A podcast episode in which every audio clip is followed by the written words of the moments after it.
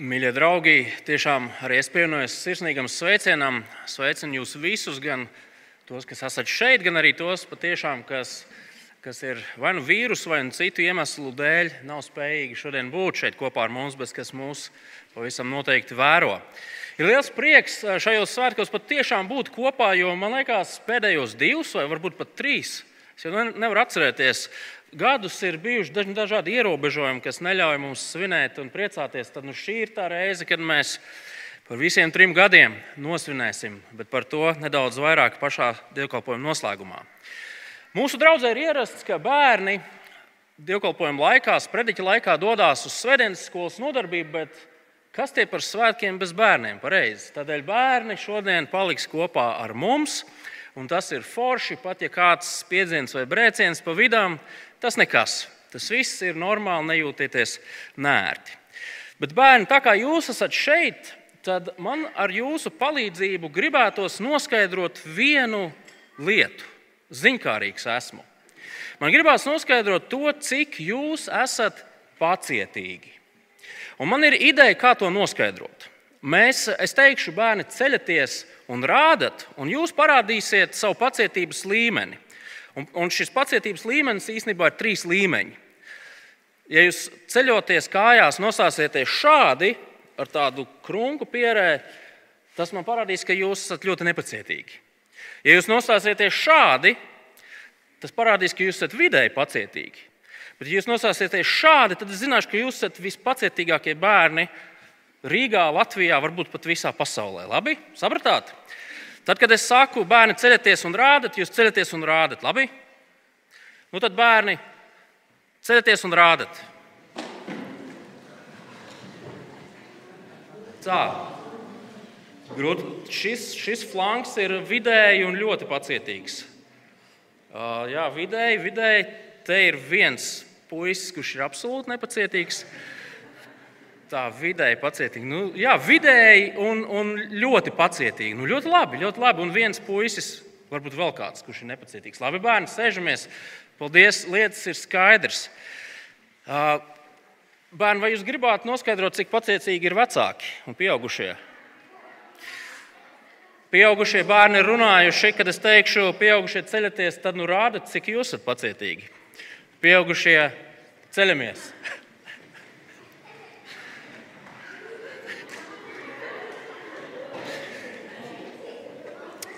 Pieaugušie ir prieci, pieklājīgi, visi ir pacietīgi, ļoti labi izņemot, tur ir viens nepacietīgais.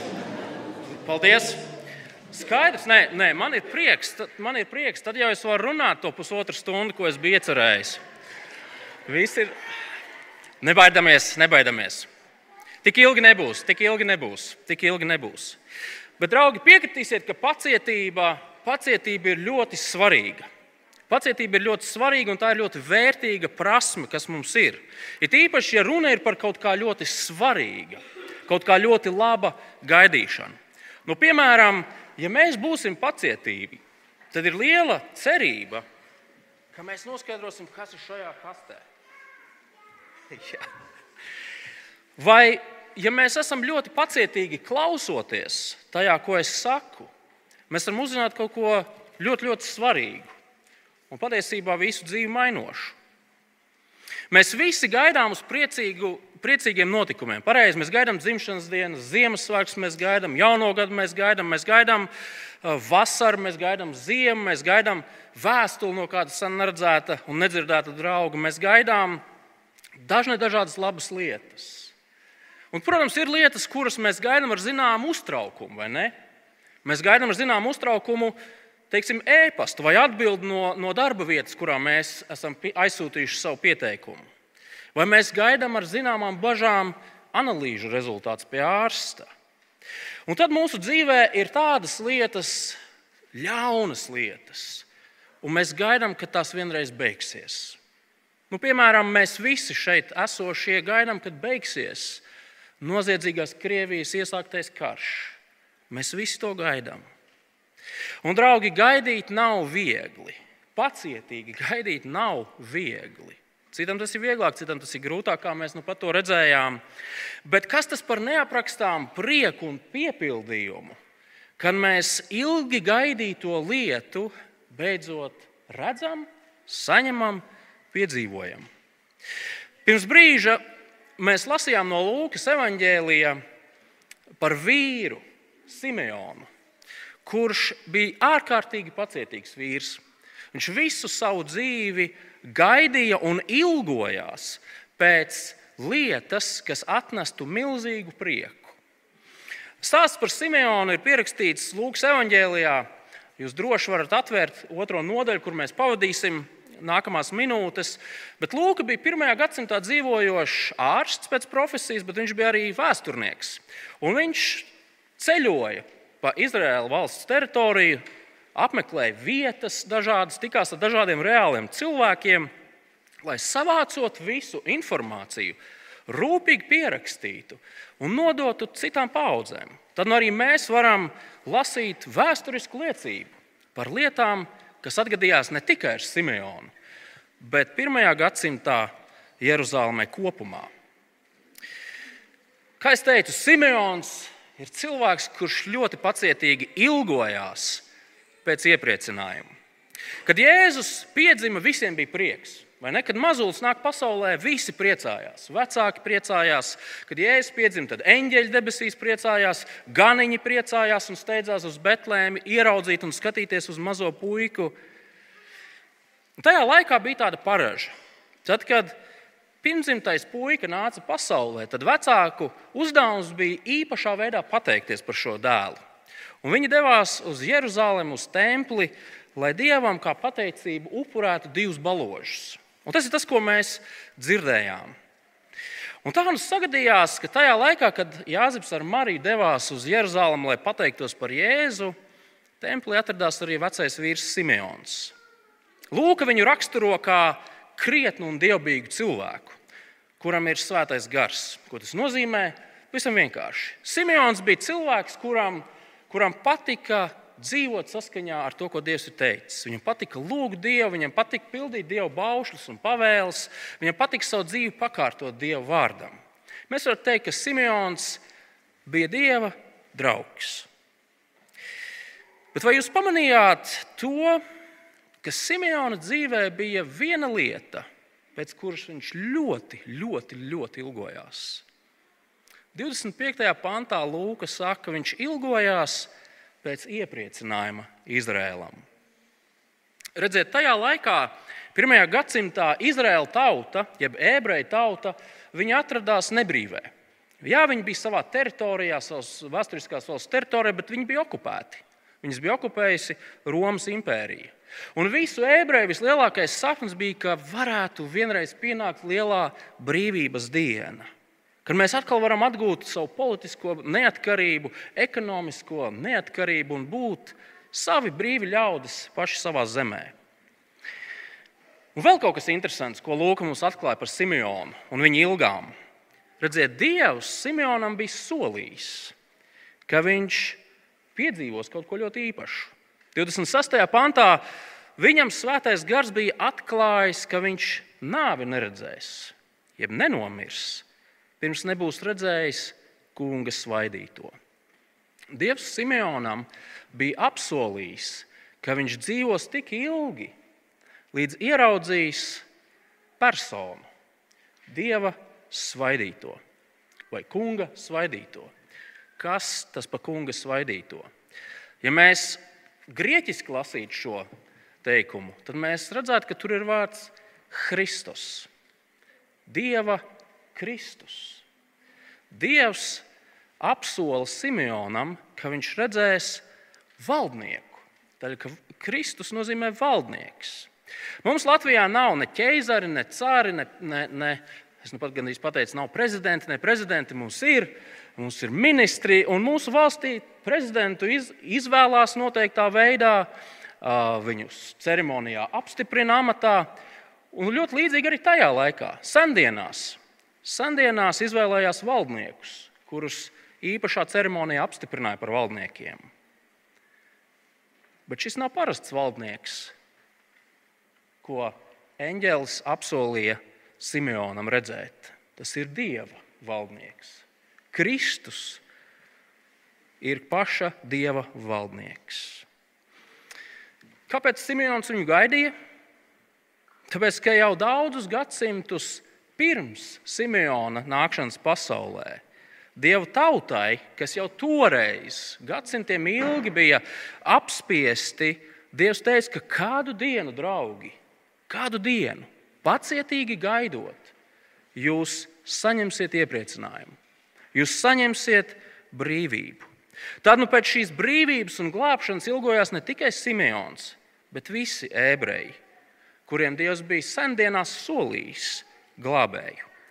Es pieņemu, ka pavisam noteikti es zinu, ka bērni taisa Ziemassvētku dāvanu un vēlmju sarakstus, garākus vai īsākus, bet es pieņemu, ka arī vecāki un pieaugušie arī ne, klusiņām pie sevis varbūt nomurmina, ko viņi gribētu saņemt. Bet ziniet, ko Simeonam, ja mēs jautātu Simeonam, ko tu gribi saņemt Ziemassvētkos? Kādu dāvanu tu gribi saņemt? Ziniet, ko Simons teiktu? Viņš neteiktu ēzelis, viņš neteiktu kamielis, viņš neteiktu māla plāksnīti, uz kuras kaut ko iegravēt. Nē, viņš, viņ, viņam atbildi nebūtu jāmeklē. Simons teikt, es gribu saņemt, es gribu redzēt to valdnieku. Es gribu redzēt to valdnieku, ko Dievs solīja. Valdnieku, kurš dāvās glābšanu. Draugi, uz mirkli distancēsimies no Simeona. Un pie sevis padomāsim, kas ir tās lietas, pēc kurām mēs visvairāk kārojam. Kas ir tā viena lieta mūsu dzīvē, kuru iegūstot, mēs varētu teikt, tagad, draugi, es esmu laimīgs. Nu, tagad es varu būt mierā. Tagad man viss ir labi. Pavisam noteikti mūsu atbildes uz šo jautājumu būs daudzas dažādas. Un tās būs atkarīgas no tā, kas mēs esam, kur mēs šajā brīdī dzīvē esam. Mēs varam teikt, es būtu patiesi laimīgs, ja man būtu noturīgs darbs šajā laikā. Es būtu patiesi laimīgs, um, ja manas attiecības ar laulāto draugu un, un radiniekiem un draugiem nebūtu tik saspīlētas. Es būtu patiesi laimīgs, ja es varētu samaksāt šajā sezonā visus tos trakos apkursu rēķinus. Es būtu patiesi laimīgs, ja veselība būtu labāka. Ja maniem bērniem un mazbērniem viss būtu kārtībā, ja karš beigtos un mēs varētu turpināt un turpināt saukt lietas, kas mums ir svarīgas, kuru piepildīšanās mums nestu lielu prieku un laimi. Kad mēs varam teikt, es esmu laimīgs? Es esmu priecīgs. Es, es, esmu, es varu iet mierā. Tagad viss ir kārtībā. Simeona ilgas piepildījās. Simeons ilgojās pēc valdnieka skatīšanas, un viņš to arī dabūja. Skatieties, Simeon, kā Simeons reaģē, ieraugot, un ne tikai ieraugot, bet savās rokās turot mazo Jēzus puiku. Tad viņš ņēma to savās rokās un slavādams Dievu sacīja. Simeons ir priecīgs, viņš slavē Dievu. Es atceros visu savu triju bērnu dzimšanu. Es turējos braši, nekāda ļodzīšanās, nekādas ģīpšanas epizodes, viss bija kārtībā. Bet vislielākais prieks, un es joprojām atceros to prieku, bija tad, kad es viņus pirmo reizi varēju paņemt savās rokās. Simeons paņēma Jēzu rokās, saka sakojošo. Tagad atlaid kungs savu kalpu mierā, kā tu esi sacījis, jo mans acis ir redzējušas tavu pestīšanu, ko tu esi sataisījis visu tautu priekšā. Gaismu, kas atklāsies pagāniem, un godību Izrēlam, tavai tautai. Simeona prieks atklāja to, ka Jēzus nav parasts puišelis Pēc izskata, protams, Jēzus ir līdzīgs visiem citiem ebreju puikaļiem. Bet patiesībā Simons skaidri zina, ka šis ir ilgi gaidītais, Dieva apsolītais, svaidītais. Beidzot, vecā Simeona ilgas ir piepildījušās. Viņš ir gaidījis visu savu dzīvi, un nu viņš to ir ieraudzījis. Man liekas, ka ir pienācis laiks vismaz daļēji atklāt to, kas ir tajā lielajā kastē.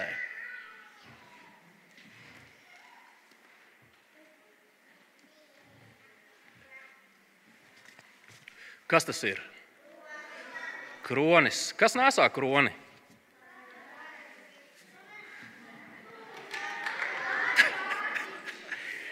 Es, es, es atzīšos, neesmu cienīgs, eh, bet spontāni kaut kā tā sanāca uzlikt galvā.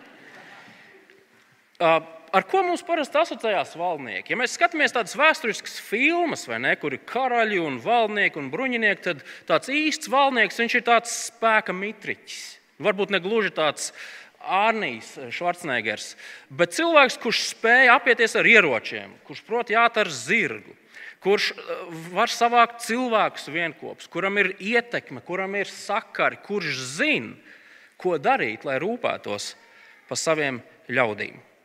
Lielais jautājums, vai tad, kad Simeons turēja rokās apsolīto valdnieku, vai viņš par Jēzu domāja šādi? Varants spēka mitriķis, kurš satrieks visus ienaidniekus. Un atbildi ir nē. Un Simeona vārdi mums īstenībā atklāja to, ka mums ir jāskatās nedaudz citā virzienā.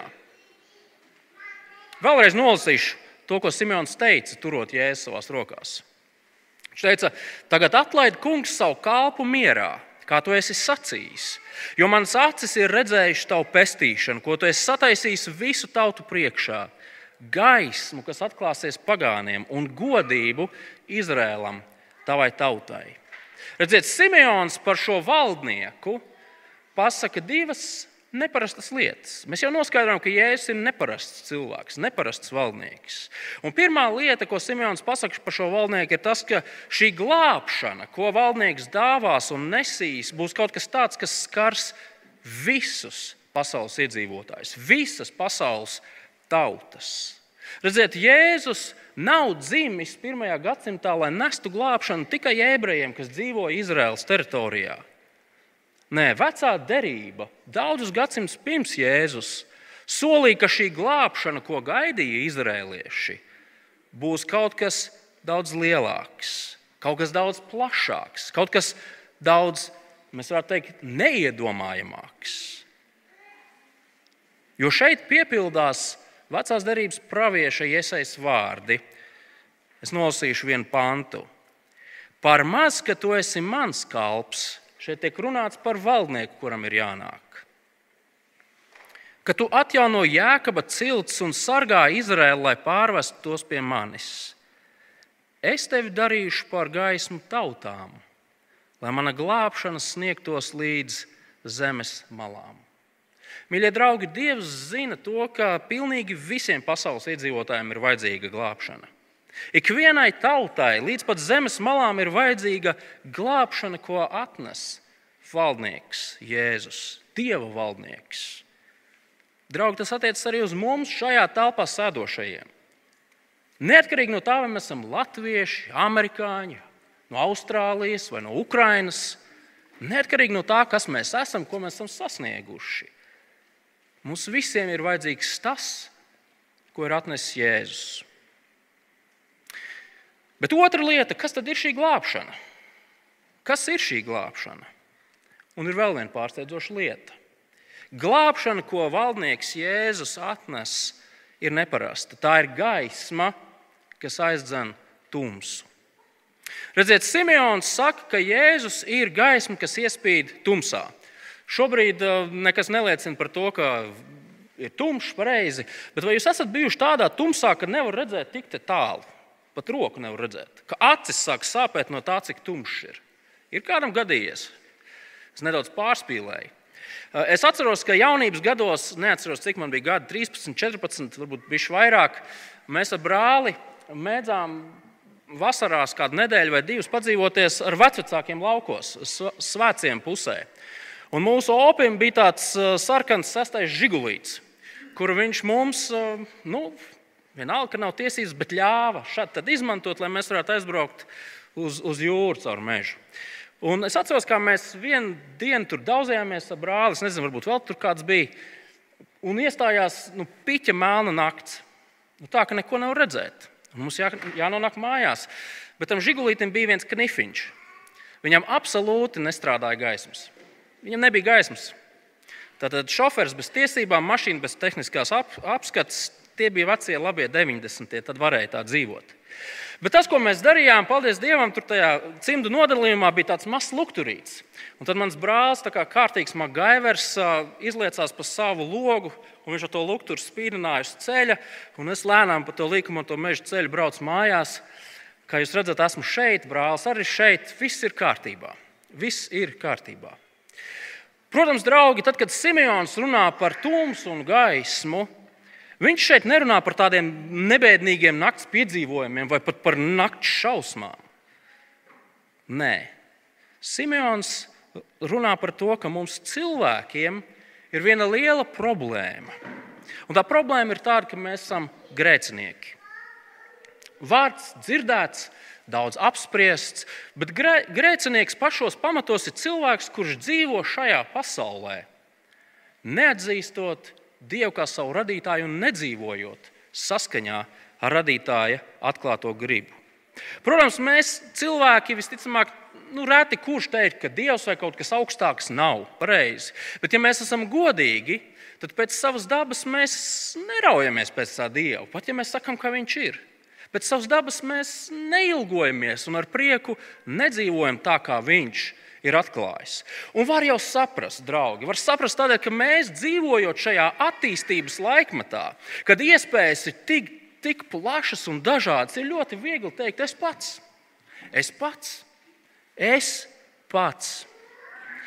Un viens no veidiem, kā Bībele raksturo šādu cilvēku attieksmi, ir tumsa, garīga tumsa.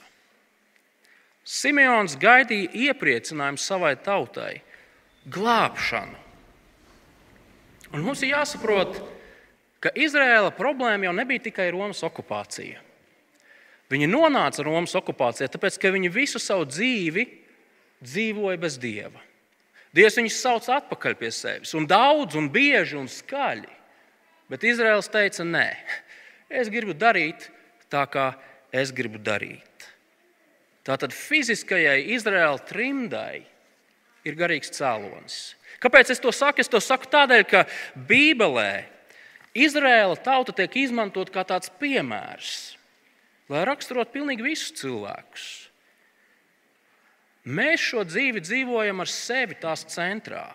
Mana dzīve, mana labklājība, mana labsajūta, mana manta, mana laime. Un, draugi, nepārprotiet, Šīs ir labas lietas, kuras es uzskaitīju. Tās ir foršas un vajadzīgas lietas. Uh, ir, ir labi, ka mēs savā dzīvē varam būt veseli, ka mēs varam daudz ko sasniegt, daudz ko īstenot, daudz ko iegūt.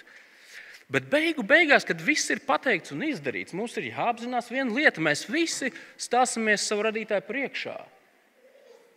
Un kāda būs šī sastapšanās ar mūsu radītāju?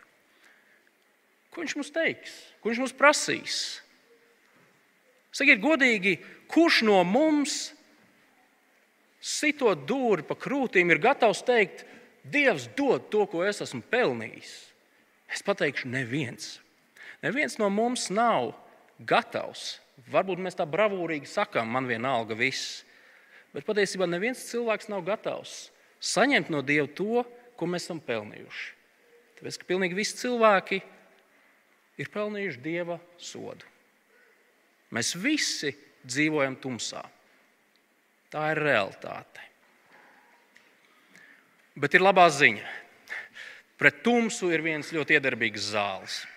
Visiedarbīgākās zāles pret tumsu ir kas? Gaisma. Gaisma un gaisma šodien mums netrūkst. Patiešām, tad, kad atnāk gaisma, tad tumsa izzūd. Tā ir, tā ir fizika, tā ir realitāte, tā tas ir. Un Simons saka, Jēzus, šis valnieks, kur es turu tagad savās rokās, viņš ir tā gaisma. Gaisma ir ienākusi tumšajā pasaulē, ir atspīdējusi visām tautām. Kāds varbūt jautās, nu labi, labi bet kādā veidā tad šī gaisma, šis valdnieks, kā viņš dāvā šo glābšanu? Nedariet to tagad. Es jūs sirsnīgi mudinu, ja jūs neesat Lūkas evanģēlīju izlasījuši, izdariet to par šiem svētkiem. Un jūs redzēsiet, ka Lūkas evanģēlījis sākas ar Ziemassvētku notikumu.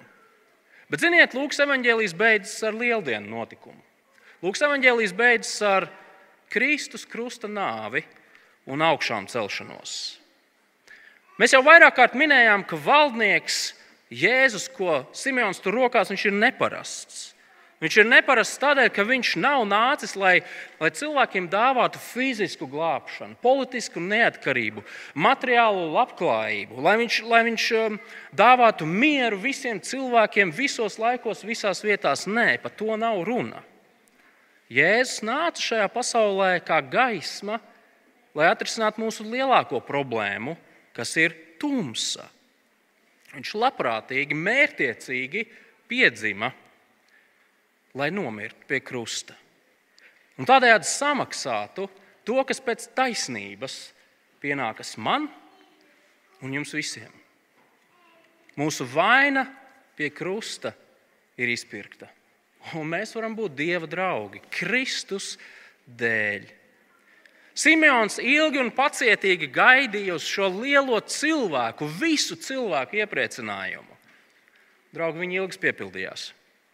Viņš rokās turēja varanu valdnieku. Neparastu valdnieku, bet ļoti varanu valdnieku. Man liekas, ka tagad ir pienākusi kārta atvērt šīs dāvanas otro daļu. Un, lai nebūtu tāda haotiska darbība šeit uz skatuves un neveiklība no manas puses, es sarunāju trīs staltus jaunekļus, kas nāks un man palīdzēs to izdarīt. Labi? Puisši nākat, kur, ā, redz, kur trešais nākat tā. Es to izdarīšu šeit. Es izņemšu visu lieku ārā. Tas ir tas, ko es teicu. Un tad aiziet. Jums tas izdosies. Cerams, izdosies. Nevajadzētu jau būt tik grūti. Tā. Pa, pa, pa, pa, pa. Es tur šitam noliku.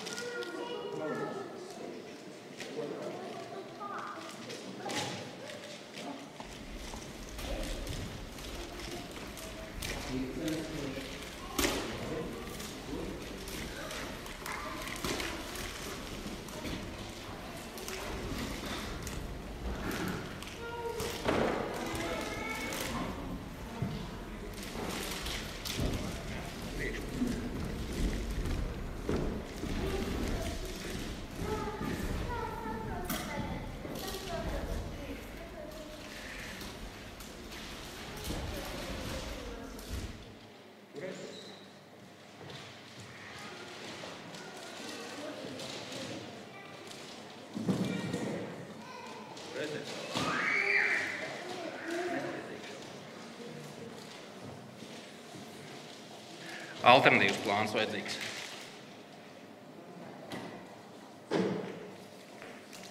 Paldies, Lūdzu!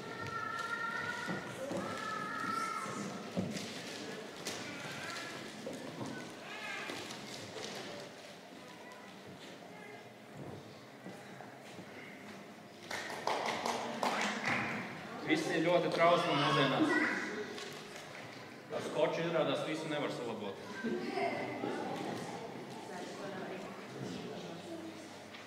Lai paliek šeit. Man prieks, ka jūs visi sapratāt. Draugi, lūk, patiesā dāvana, ko saņēma Simons, varenais valdnieks, kurš īstenībā nāca, lai nomirtu pie krusta, glābjot cilvēkus. Un redziet, tad, kad Jēzus, Jēzus ir tas iemesls, kāpēc mēs viens otram skatoties viens uz otru, viens otram sūtot vēstules, ziņas, zvanot, varam teikt, draugs, patiesi priecīgs tev Ziemassvētkus.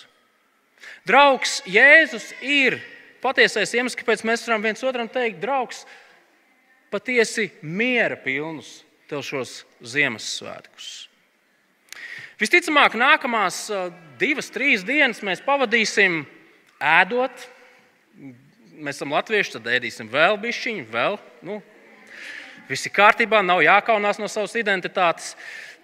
Mēs, mēs pavadīsim viens otru sveicot, pareizi. Varbūt kaut kur pie dabas izbrauksim un tā. Mēs pavadīsim viens otru iepriecinot. Es zinu, ka viens otrs pavadīs eh, šīs dienas, diemžēl, dzerot, eh, dzerot zāles un mērot temperatūru. Arī tā gadās. Bet lielais jautājums šajos svētkos ir un paliek. Ko mēs sakām par Jēzu, kurš dzima šajos svētkos? Kura dzimšanu mēs atzīmējam? Simeons gaidīja šo brīdi visu savu dzīvi. Visu savu mūžu viņš to gaidīja. Un tas bija gaidīšanas vērts, pacietīgās, ilgās gaidīšanas vērts. Un, ziniet, kaut kādā ziņā mēs visi esam līdzīgi Simeonam. Neatkarīgi no tā, kā mēs savā dzīvē ilgojamies, ko mēs vēlamies redzēt, piedzīvot, dabūt, mums visiem, mums visiem ir vajadzīgs Jēzus. Jēzus, kurš dāvā grēku piedošanu, reālu cerību, mieru ar Dievu un tādu pamatīgu, gruntīgu drošību gan tagadnē, gan nākotnē. Ir daudzas labas un svarīgas lietas, par kurām mēs varam teikt, ja tas ar mani notiktu, ja es to dabūtu, es būtu laimīgs, es būtu priecīgs, ar mani viss būtu kārtībā. Taču patiesība ir tāda, ka Jēzus pārsit tās visas. Jēzus pārsit tās visas. Un, un ar Jēzu ir labi pat tad, ja tās mūsu ilgas līdz galam nepiepildās. Vai varbūt vispār nepiepildās. Pat ja slimība neatkāpjas, viss ir kārtībā. Pat ja darbu neiegūstam, viss ir kārtībā. Pat ja attiecības ar līdzcilvēkiem ik pa laikam iebuksē un ir saspīlējumos, arī tad viss ir kārtībā. Pat ja mēs cīnāmies ar savu raksturu un nekrietnumu, arī tad viss ir kārtībā. Pat tad, ja pasaulē miers ir ilūzija, arī tad viss ir kārtībā. Pat ja viss ir pelēks un drūms ar Kristu, viss ir kārtībā. Mēs šajos svētkos esam aicināti, līdzīgi kā Simeons, saprotot, kas Jēzus ir, teikt, draugi, man viss ir kārtībā. Un es, protams, gribu piebilst, ka būt par kristieti vai cilvēku, kurš tic Kristum, nenozīmē dzīvot tādā noliegumā. Problēmas neeksistē, grūtības neeksistē. Nē, to tas nenozīmē, draugi. Dzīve ir grūta un sarežģīta, piņķerīga lieta. Taču Kristus atrisina mūsu lielāko problēmu. Gaisma ir atspīdējusi tumsā visām tautām. Un tad, kad mēs redzam to, tad arī visas pārējās lietas mēs sākam uzlūkot daudz citādāk, daudz cerīgāk, daudz priekpilnāk. Kā jau teicu, ja neesat Lūkas evanģēlu izlasījuši, ja neesat par Jēzu domājuši, šie svētki var būt brīnišķīgs laiks to izdarīt. Neliecieties mierā, līdz jūs nesat sapratuši, kas Jēzus tāds ir. Tāpēc, ka viņš ir svarīgs. Mīļie draugi, gaisma ir iespīdējusi tumsā. Šajā tumšajā pasaulē, tumšās pasaules tumšajiem cilvēkiem, kas esam mēs visi. Un mums tā vairs nav jāgaida. Mums nav jāgaida. Tā ir pieejama šeit un tagad. Un prieks, ko Kristus ir nesis, un glābšana, ko Kristus ir nesis, ir mūsu šeit un tagad. Pateicoties Kristum, pateicoties Dieva žēlastībai, mēs viens otram patiesi varam teikt priecīgus, gaišus un miera pilnus šos svētkus. Amen!